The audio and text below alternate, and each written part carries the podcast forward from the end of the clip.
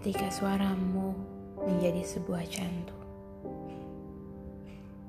Aku tahu ini salah. Mencarimu ketika aku merasa jatuh. Mengirimmu pesan ketika aku butuh. Dan ingin menelponmu hanya karena aku ingin kembali mengingat suaramu.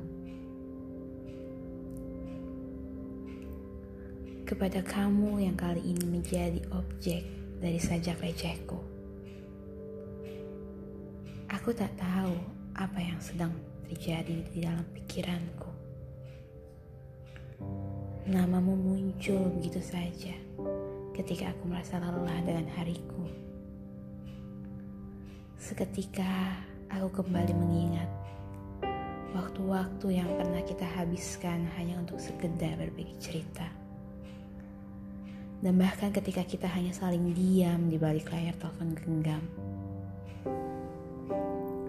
Apakah aku terbawa oleh alur perasaan yang tak bertujuan?